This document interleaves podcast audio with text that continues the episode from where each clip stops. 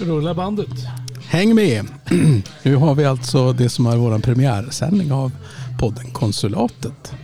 Mm, välkomna alla lyssnare. Eh, jag vet inte vilken podd det här är i ordningen men det är väl... Alltså vi är dåliga på att räkna. När man har passerat 50 och vi har ju passerat 50-podden. Det var jubileumspodden. Vi, jag skulle gissa att vi är podd 53 men skriv gärna till konsulatet info.konsulatet.nu om vi har fått någonting fel och eh, gör det också med väl valda ord, gärna svordomar. vi som sänder här är Jonas Lundström. Och Bernt Tiberg. Och vart är vi? Vi är på Taps, Taps and uh, Pub i Luleå. Det är alltså, därför det är taps lite and. Paps and Taps. and. Alltså vad, vad, vad, varför heter det and? Ja, taps, alltså de har tappat på kranarna här. Okej, och. Så det, det är alltså kran och. Och sen händer det jättemycket annat här. Ja, men ska vi köra vår lilla vignett och så folk vet att de har kommit rätt? Yes.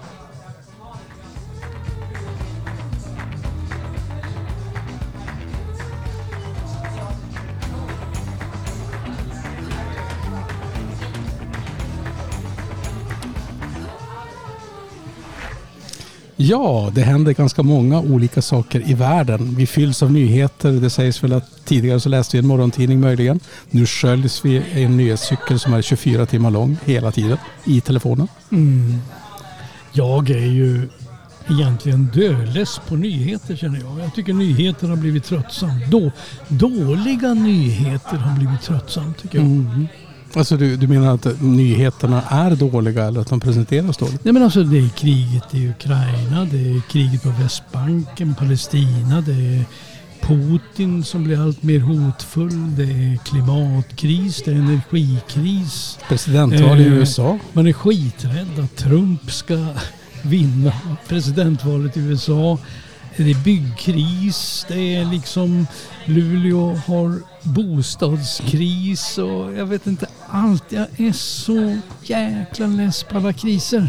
Men, men äh, handlar det någonting om presentation också? För jag, jag tänker ju att äh, som, som gammal nyhetsknarkare, och vi hade ju ett särskilt avsnitt, ni som har äh, tillgång till Spotify eller Apple podcaster, vad det än som finns, så finns det Eller ett kollar på vår hemsida. Det kan man också göra. Där finns Då ju det- alla ja. våra poddar.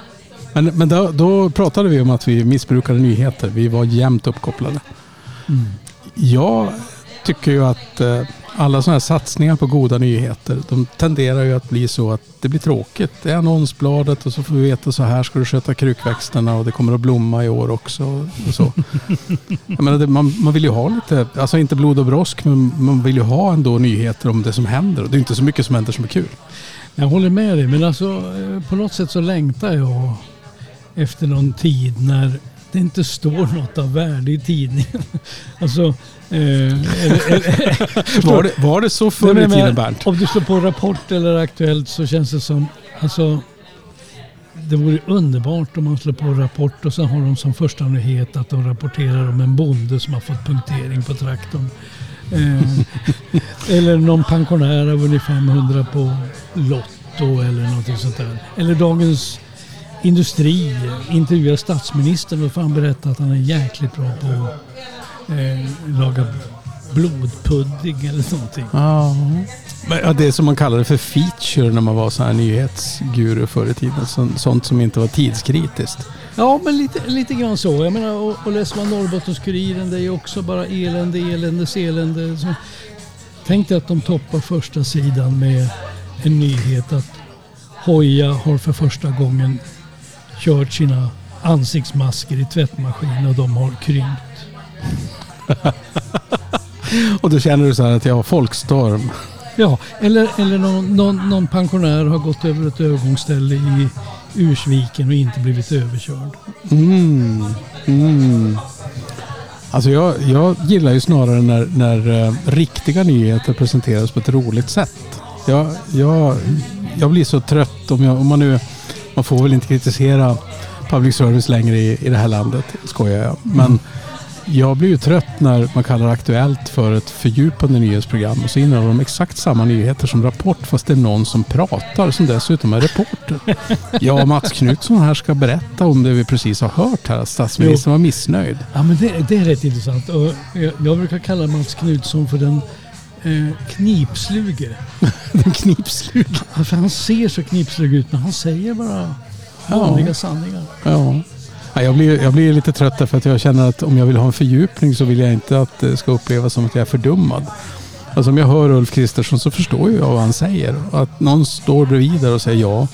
Vad statsministern egentligen säger här är, så säger de precis det de har sagt. Alltså journalister som intervjuar journalister, det, det borde det vara skottpengar på. Det är mycket sånt. Det, det är ju det, men det är billigt. Ja, det är billigt. Men, men håller du med om alltså att...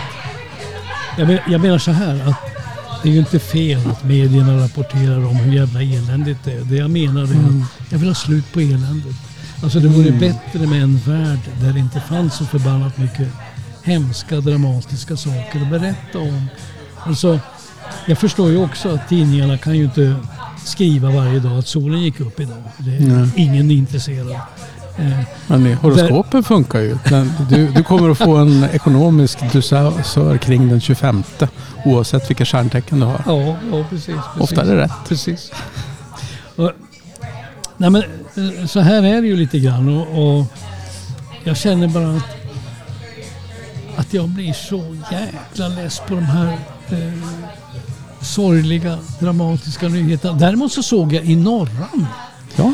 eh, häromdagen en sån här nyhet som faktiskt hade, vad ska man säga, huvudingredienserna, huvudingredienserna heter det, till en bra story. Mm. Alltså man ska ju ha offer, förövare och en expert. Eh, Och, och, ja, på något sätt. Ja. Har man det då? Ja. Och de hade en, en artikel häromdagen som de drog upp ganska stort. Ämnet var grönsaksskärare.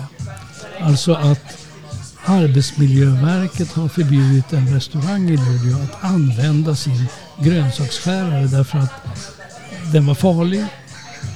Och den hade liksom offer, personal på en krog Mm. eh, som skär fingrarna av sig. Mm. Men det hade väl inte hänt va? Inte ännu. Nej, nej. Så det Men- var inte en dålig nyhet med andra ord? Nej, förövare, en farlig maskin eller en eh, oförsiktig arbetsgivare. Mm. Och experten är Arbetsgivarverket. Ja, Arbetsmiljöverket. Ja, Arbetsmiljöverket. Ja. Jag hade blivit jätteorolig om statens förhandlingsdelegation hade dykt upp och med sina löneförhandlare och sagt att ni måste sätta skyddsutrustning där. Ja men det där är ju faktiskt, jo men det, det är hela, det är hela ingrediensen. Men vad, vadå, rapporterar Norran från Luleå? Nej, nej. Nej nej, det var Skellefteå. Ja ja, ja men då, då, då är jag med. Ja. Okej, så, så i Luleå finns inga farliga grönsaksskärare med andra ord. Jag tror inte det. Men, eh, För då hade vi fått läsa det i NSD. Ja, men Eller vi är ju Kuriren. en podd som bevakar hela norra Sverige. Ja, det är ju alldeles riktigt. Jag läser även norran. Vi återkommer med ett eh, alldeles nytt ämne. Jag välkomnar tillbaka. Jag har just fått kritik här av dig Jonas för att jag hörs för dåligt. Jag sitter för långt ifrån mikrofonen. Men det har ju att göra med att vi, vi sitter på en pub med 20-30 människor runt omkring oss. Och så är du lite ödmjuk också. Så att du, Ja, och jag försöker micka upp det hela, hela, hela tiden. Men hörs då- jag nu då? Ja, fast jag, jag tror jag vet hur jag ska göra nu. nu, nu och ni som blir besvikna lyssnar över ljudkvaliteten, ni hör av er till... Vi har också en Facebookgrupp som ni hittar på konsulatet poddar va? Eller? Ja. Jättebra. Eh, vi hade ju utlovat ett nytt ämne och, och vi har väl tänkt prata lite grann om, om någonting du har eh, djupare undersökt. Eh, nu ska vi se, vad menar du nu? Ja, alltså mm, rent vad, vad saker heter, vad människor heter. Aha, du tänker på min krönika idag i Norrbottens-Kuriren. Du har läst den? Jag har läst den. Och jag, jag, det är ju, ni vet ju det också ni lyssnare att om, om det är så att man upptäcker att man skrattar när man läser någonting ensam då är man antingen galen eller så är det vansinnigt roligt. Ni behöver kika på det där. Det handlar om namn alltså. Får man heta vad som helst? Ja, alltså det är ju en eh, Luleåbo Ja. som har ansökt till Skatteverket om att få heta Pervers. Alltså som ett namn, pervers. Per, jag tror det var bindestreck emellan, Pervers. Och eh, det avslogs. Det, det får man inte heta. Och varför får man inte heta det? Eh, ja, det vet i fasen. Eh, det, först, det vet inte jag heller. Men eh, däremot har jag svårt att förstå varför man inte skulle kunna få heta det. Jag tror att det finns en, en regel från tidigare som säger att namn får, in, får inte väcka anstöt. Mm. Och Det är ju samma sak. Det var ju, det var ju en, en familj som ville döpa sin lille gosse till Grus för många år sedan. Och det fick man inte heta därför att man kunde, ja, det kunde väcka anstöt. Svårt tyckte föräldrarna som säger att man kan heta Sten. Varför får man inte heta Grus eller Makadam? Nej, men alltså, när, det gäller, när det gäller namn till barn, då kan jag förstå att myndigheten säger nej. Mm. Alltså om det är väldigt förnedrande ord. Jag vet att föräldrar har sökt, eh, an, eh, ansökt om att deras nyfödda ska få heta Fisen och, Oj. och liknande. Nej, men Ja. alltså, då kan man inte, för, det är ju lätt att föreställa sig att den typen eller, av namn alltså kan skapa väldigt mycket problem för den, den personen Mm. senare i livet. Så där kan jag förstå det. Men alltså när vuxna människor vill heta pervers. Jag menar exempelvis ver, vers är ju ett eh, namn som är ganska vanligt förekommande i Danmark. Ja. Och Jag menar, eh, ponera att en dansk flyttar in i Sverige och heter pervers. Eh, vad ska man göra åt det? Mm. Men det funkar ju som artistnamn, just inte kanske pervers. Men, men alltså jag tänker nu på Dag Vag. Mm. Hette inte, hette inte frontmannen Stig Wig Jo, och gitarristen hette Silversurfaren? ja just det. det Silversurf, det var nog taget. Det var, det var taget. Om man skulle ansöka om att få döpa om sig till Silversurfaren, tror du Skattemyndigheten kommer att tillåta det? Ja, jag tror det. Ja, Men, för det eh, verkar inte anstöt. Men eh, anstötliga namn som eh, pervers Mm. eller något liknande, det får du nobben på. Jag har fått, som, när jag företrädde en myndighet för väldigt länge sedan, vi pratar ungefär 20 år sedan, då fick vi en omvänd ansökan. Och den, den, den handlar om att eh, till barn och utbildningsnämnden i Luleå kommun så kommer förfrågan, kan vi få kan vår son få heta någonting annat på dagis, eh, förlåt förskolan, än vad han heter? Mm. Vad, vad, kommer du ihåg några namn? Jo då. Jag minns inte vad, vad gossen skulle få heta på förskolan. Jag minns att vi beviljade det. För det handlar ju om att sätta namnlappar och, och sådär. Men, men gossen var, hade ju kommit. Han var förskola. Han var tre, fyra år gammal. Född 2000 då därmed. Och han hette Usama. Och 2001 så var Usama inte ett bra namn. Men pervers var det ju ingen som ville heta där heller. Jag hade, eh, jag hade ett tag en granne som var sjökapten. Han var från Estland. Eh, och han hette Pick. Han heter Pick. Och jag kan tänka mig att om du... Hur stavat? P-I-K-K. Aha. Men jag kan tänka mig att om du som svensk idag eh, vill byta namn från till exempel Tiberg till Mm. Pick så tror jag alltså mycket sannolikt att eh, Skatteverket skulle säga nej. Men jag menar på grund av att vi har mycket, vi har en rörlig värld, människor flyttar in och ut. Jag menar vad är det som säger att Alltså du, kan inte, du kan inte hindra att en människa som flyttar in till Sverige har ett namn som vi kan uppfatta som anstötligt. Det är ungefär som det här med våra registreringsskyltar. Jag minns när de här nya registreringsskyltarna med tre bokstäver kom från början. Eh, så var det en kvinna som vägrade lösa ut sin registreringsskylt för hon hade fått eh, bokstäven, bokstavsstarten på den här nummerplåten CUK. Och då undrar ju alla, ja, men varför vill du inte ha det? Alltså vad är det som är så farligt med det? Nej men hon vägrade. Hon ansökte om hos Trafikverket att få en annan skylt för det kunde läsas på fel sätt. Fick hon det? Ja, hon fick Ja. det. Ja, Jag det är menar, ju så det handlar, ju- det handlar ju inte bilen. bara om att eh, människor eh, vill byta namn utan det handlar ju också om hur omvärlden eh, reagerar på det och en del har ju överdrivet känslig fantasi.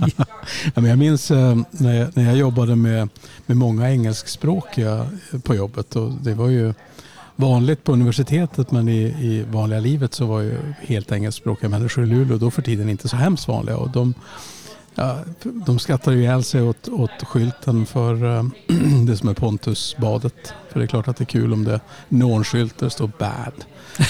Väldigt, men, men de skrattade allra mest faktiskt när de mötte en lastbil som, som kommer och jag, jag körde och jag fattade inte vad mina australiensiska kollegor bara skrattade åt. Och då, för vi möter en lastbil som är så här med groteskt stor grävmaskin som, som, som eh, på, på den här lastplattan motsvarande. Mm. Jag frågade så här när jag passerat han slutade skratta. Så, men vad skrattar du åt? Ja, men såg du inte skylten? Nej. Ja, Så tänkte jag en stund, ja, bred last. Ja, på australiensiska så då, då, då står det för bread last, eh, alltså missfoster. Nej. Och det var ju perfekt eftersom den här grävmaskinen så såg det verkligen ut som ett missfoster. Och då är det ju fantastiskt att skylten också säger det på lastbilen. Men i min krönika är jag ju inne på ett liknande exempel. Jag har ju mycket släkt i Finland eftersom jag är halvfinne. Ja. Och eh, min, en av mina kusiner i Helsingfors, han fick ju för några år sedan registreringsskylten KUK. Det fick han alltså? Och han vägrade ju eh, köra ut bilen från sin nya bil från bilhallen. Därför att alla finnar vet ju vad KUK betyder på svenska. Mm. Men alltså lär man sig det på skolsvenskan i, i Finland? Eller, Nej men Finland är ju ett Jo. tvåspråkigt land, du vet ju också. Jo. Jag menar, eh, eh, han insåg direkt att eh, han skulle ju få otroligt mycket pikningar för den där skylten. Nu har Finland, de tog ju bort den här eh, bokstavskombinationen Mm. på det finska trafikverket. Men jag menar, eh, så kan det gå. Så kan det gå när inte haspen är på. Ja, men eh, Bernt, du skriver ju inte bara krönikor som, som är putslustiga, jätteroliga, fantastiskt eh, givande kopplat till, till att man får heta per vers eller inte. Eh, Du har ju också skrivit om, om en stor förändring som kan ske som kopplat till en omröstning som nu senast skedde i det ungerska parlamentet där nu Sverige har att förbereda sig på att bli medlemmar av försvarsalliansen NATO. Ja, alltså, eh, jag har ju varit säker länge på att Sverige kommer att gå med i NATO. Eh, jag tror att en av de absoluta konsekvenserna av att Sverige går med nu och blir medlem det är att Luleå kommer att bli en så kallad NATO-bas. Det vill säga jag tror att, jag tror att eh, F21 i Luleå kommer att eh, få väldigt, väldigt betydande förstärkningar. Jag tror att man kommer att bygga ut, ut F21 betydligt och jag tror till och med att F21 kommer att få en egen landningsbana. Oj! Alltså, eh, be- behöver man två? Jag tror att eh, NATO och inklusive USA eh, ser tydligt fördelen med att flygflottiljen i Luleå ligger lagom långt ifrån Ryssland och lagom nära ur försvarssynpunkt. Mm, just det. Och jag tror att eh, om det blir ökade flygaktiviteter eh, på F21, vilket det kommer att bli i samband, i, i samband med att vi kliver in i NATO tydligare, så kommer det innebära mycket mera eh, flygaktiviteter. Och då kommer inte den ordinarie landningsbanan att räcka till för den delar man med civilflyget. Mm, just det. Så det är så jag tänker. Just det. Det är därför som, som det inte heter eh, Luleå flygplats. Mm. Utan Luleå Airport. Nej, men man, det heter ju flygstation när man, när man delar mellan en militär och en civil verksamhet. Aha. Jo, skillnaden mellan en flygplats, Umeå flygplats och Luleå flygstation. Fast då tycker man ju att Luleå Airport är ett mycket enklare namn för det finns inget. Jag tror inte det finns något eh, engelskt särbegrepp för en, en själva flygplatsbyggnad som delar på flygfält. Så kan det vara. Luleå Mm. International Airport i alla fall. Mm. Ja. Och det, en, eh, det kunde man ju se om man, om man befann sig i norra Sverige på, på rätt mycket avstånd eftersom en av de här absolut eh, viktigaste strategiska bombflygplanen som finns i NATOs styrka, det amerikanska, det är väl eh, ett av de större bombplanen eskorterat av, av JAS-plan och det manifesterar väl just eh, detta med att nu, nu är det på riktigt. Ja, och häromdagen så landar ju tre, fyra stycken av den här mindre eh, flygplanstypen, bomb, amerikanska bombplan, eh, Mm. på Kallax eller på F21. Mm. Men, men alltså, eh, det känns lite grann som att eh, hade vi, vi hade inte kunnat ta det här ämnet på podd nummer ett, två, tre, fyra. Alltså sannolikheten att vi skulle ha sett att Sverige skulle vara med i försvarsalliansen NATO. Det har ju gått ganska fort. Har det gått för fort tycker du? Nej, det tycker, det tycker jag väl inte. Jag tror att den har gått av nödvändighet ändå med den här farten. Men alltså, jag var själv eh, oerhört mycket emot att Sverige skulle gå med i NATO. Tills Putin började hota med kärnvapen och invaderade eh, Ukraina. Mm. Alltså för där, ja, det, det, fick mig att vända. Sen som jag sa tidigare i det här, eh, vi pratade tidigare, som du vet så är jag halvfinne. Och jag har ju liksom med mig i modersmjölken Mm. eh, en, eh, jag skulle vilja säga en naturlig rädsla för vad eh, landet i öster kan hitta på. Jag hoppas det inte blir så men, men eh, jag har alltid den rädslan och eh, jag tror att vi ska vara eh, rädda om den frihet vi har och den tror jag vi måste försvara på något sätt. Jag, fick, eh, jag hade förmånen att för, för många år sedan eh, sitta och lyssna i, i djupa diskussioner med den finske politikern Paavo Lipponen som, som var eh, Finland i modern tids allra längst sittande statsminister. Och eh, en av de saker han hade burit med sig som en, en irritation det var att Sverige ansökte om medlemskap i dåvarande EG utan att ha samrått med Finland och så Mm. gjorde man det före som ett eget initiativ. Han sa att det, det kändes som ett svek. Är det 1-1 nu när Finland klev fram ensam kopplat till NATO, eh, NATO-medlemskapet? För det är klart att Sverige och Finland gick ju inte tillsammans utan Jo, Finland men det, bestämde sig jag, först. det skulle jag säga. Alltså, det är väl ungefär 1-1 nu i den här matchen. Och, eh, det är ju på grund av att eh, finnarna kliver in i NATO som vi kliver in. Vi inser ju att eh, de här drömmarna vi hade om ett nordiskt försvarsförbund Mm. eller enbart ett försvarsförbund ihop med, med, med Finland, Finland, Norge och så vidare. Alltså, det räcker inte till i händelse av en allvarligare Nej. Konflikt. Ett nordiskt försvarsförbund med bara Sverige som medlem hade ju funkat på 1630-talet under 30-åriga kriget, möjligen. Ja, eh, När vi härjade i hela Centraleuropa. Det gick ju bra ett tag. en kortare stund. Ja, men det, är väl, det, det sägs ju det också lite, lite skämtsamt men, men ändå allvarligt att eh, militärhistorien har tre lagar. Den första lagen är du ska inte invadera Ryssland. Den andra militärhistoriska lagen är invadera inte Kina. Och den tredje den lyder för inte krig på Balkan. Aha. Mm, lite så. Men, men eh, det är ju också så att vi går med i NATO och då är ju den viktigaste eh, artikeln i hela stadgan är ju den om en, koll, om en kollektiv säkerhet där ett angrepp på ett NATO-land betyder att man angriper hela NATO och NATO kommer till, till undsättning. Mm. Men vi har ju också tecknat separata avtal med ett annat NATO-land förutom Finland och det är ju USA. Mm. Och eh, Jo, nej, men och, och jag tror att rent formellt sett så, så är det så att vi och, och som sagt, jag har garanterat fel i själva sakfrågan men, men vi har tecknat bilateralt avtal med, med en eller några av de amerikanska delstaterna och deras, eh, deras försvarskår motsvarande reserv, reservkår som går ut på att vi de har möjligheter att nyttja baser hos oss. Och då inte bara utifrån NATO-samarbetet utan de har rätt att bedriva verksamhet på amerikanskt vis på svensk mark.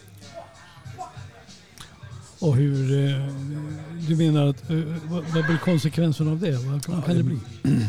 Den första, första delen i det hela, jag, jag är inte motståndare till det men det är ju någonting som, som inte direkt har debatterats särskilt mycket utan det kom som en nyhet före det att vi, vi kunde välkomna Turkiet och uh, Ungerns parlaments beslut att vi skulle ansluta oss. I praktiken innebär det här att eh, de har rätt att kunna nyttja baser på, på deras villkor. Vi, jag tror inte ens att de är namngivna vilka baser det är men det är klart att för flyget, det finns inte så många flygflottiljer i Sverige så att vi kan väl ganska enkelt räkna med att det är klart att eh, eh, Luleå flygflottilj F21 kommer att vara en, en av dem. Sen är det ett onämnbart antal baser som, som eh, armén hanterar och det är klart att övre Norrland är ju superstrategiskt viktigt kopplat till, till, eh, till amerikanska och NATO-intressen. Gotland är väl också lätt gissat som en sådan. Absolut. Eh, eh, men när det, gäller, när det gäller norra Sverige så handlar det ju om Rovaniemi, Luleå, är det Bodö eller Tromsö? Ja, alltså det är ju, de har ju baser på bägge delarna men Bodö har ju Ja. ganska mycket. Jag tror att Bodö har Men jag tror att de norska, norska flottiljerna ligger så att säga inom citat för långt Mm. från Ryssland för att vara tillräckligt eff- effektiva Mm. i en händelse av en, en besvärlig situation. Eh, Sen har du hela, alltså det som gör att amerikanarna snedstreck slash NATO vill kommer att vilja etablera sig här mera, ska vi säga permanent, det är ju de stora spänningarna som finns runt hela Arktisområdet. Mm. Alltså det är inte bara det att vi i Sverige och norra Norden så att säga har stora energi, malmtillgångar och annat. Utan det handlar ju också om att ryska flottan finns uppe i Norra ishavet och att isen flyter undan och smälter mm. undan där som gör att eh, det blir tillgängligt mm. på ett helt annat sätt. Och det gör att eh, det här blir väldigt vik viktiga områden för den som eh, vill utveckla mineraler eh, och hämta andra naturresurser. Mm. Och inte minst det som är, är eh, farleder och sjöfartsvägar. Jag skulle komma Men, till det, precis. precis. Det är ju så att eh, som jag har förstått det så har man fattat beslut i Kina om att förklara att Kina är ett nära Arktisland. Mm. Vilket ju är ganska geografiskt intressant med tanke på Kinas läge. Mm. Men det uttrycker just detta med att, att uh, i samverkan med, med sin just nu en av Putins få allierade så, så ja, jag ska inte säga att Kina är allierad men Kina har i alla fall inte... Ja men de låtsas att de är kompisar. Eh, ja, jo precis. Jag tror inte de är kompisar på riktigt och historiskt har de ju inte varit det annat än kortare stunder. Men det är klart att för Kina så, så handlar ju det här om att kan, kan det som är den norra passagen över ishavet kunna öppna sig så, det, så betyder det massor för det som är enormt viktig transport av, av råvaror till Kina respektive färdiga produkter från Kina. Mm. Sen har du i, sen vet vi att eh, Ryssland i norra ishavet har ett antal eh, ubåtsstationer så att säga och eh, eh också atombestyckade, mm. alltså kärnvapenbestyckade Ja, hela ISAF-flottan som, som utgår från Murmansk har ju fått ett ytterligare strategiskt värde kopplat till, till Rysslands hot om kärnvapen. Och då är det ju också så att det här kriget som Ryssland har fört ända men ända sedan man invaderade och annekterade Krim gentemot Ukraina. Det, det har ju bränt oerhörda resurser i Rysslands eh, armé och eh, utrustningsreserver. Och då blir ju avskräckningen från flottan så mycket viktigare och det är klart att då då blir ju Rovaniemi kanske lite för nära för att ta in tunga transporter och Luleå kanske perfekt.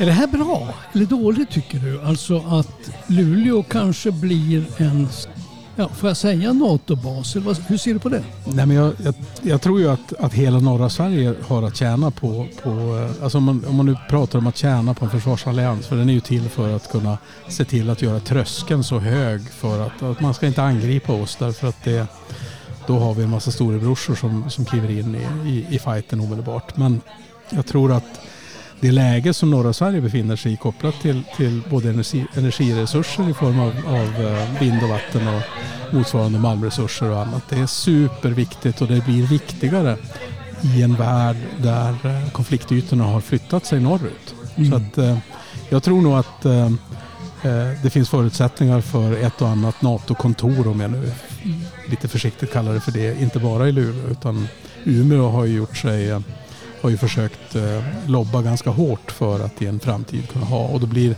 då vet vi ju kanske att eh, Finlands regering har ju regeringsförklaringen tecknat att man ska utreda en fast förbindelse till Sverige över Kvarken. Och det är klart, då öppnas en helt ny dimension också. För idag så är ju enda landkopplingen är ju markledes i Norrbotten till finska Lappland. Mm. Ja men, det ja men Bernt, är det här goda nyheter eller dåliga nyheter utifrån, utifrån det vi pratade om här innan? För det är ju inte krig i Sverige. Nej men det är ju dåliga nyheter egentligen det här att, att vi måste rusta. Alltså mm. visst är det dåliga nyheter. Det är förfärligt egentligen. Mm. Men, men kan det inte vara så att vi, vi, vi lurade oss själva, säger jag lite retoriskt, under ganska många år när Sverige ensidigt proklamerade världsfred och därmed, om vi tar ditt, eh, ska säga, hela din, din, ditt halva arv mm. från Finland. Finland, de trodde aldrig att Ryssland skulle bli förvandlas till en större motsvarighet till Norge. Utan de såg alltid att här finns risken att de snabbt kommer tillbaka. Mm. Nej men alltså, jag är pragmatiker. Mm. Eh, jag inser ju liksom att det här är en del av verkligheten. Jag tänker på eh, Charles Dickens som skrev en eh, fantastisk roman om franska revolutionen och alla hemskheter. Och han sa att det var den bästa dagen. Men det var också den sämsta. Och, och lite grann, nu är vi där. Alltså i den bästa av tider så måste man faktiskt rusta för den sämsta. Det är väldigt klokt. Och samtidigt så jag, jag tänker paradoxalt när jag håller på och flyttar böcker och annat i min, i min tillvaro. Hittade en fantastisk liten citatbok bara tillägnad citat från Winston Churchill. Mm. Och han hade ju det stora problemet att han, han personifierar eh, nazismens nederlag och eh, hur demokratin och, och, vinner över det som är ja. nazismen. Ja. Och så förlorar han det första valet som hålls i Storbritannien efter att han har vunnit Exakt. kriget. Ja, han gjorde det. Och fruktansvärt bitter så, så lär han ha sagt om efterträdaren Attlee att det kom en tom taxi till 10 Downing Street och ur den klev Clement Attlee. någonstans någonstans så, var, så handlar det väl det där om att, att äh, lite bittert men, men äh, Hörru du, äh, det där är ju egentligen jäkligt bra. Vi är på Taps i Luleå. And? Ja, förlåt.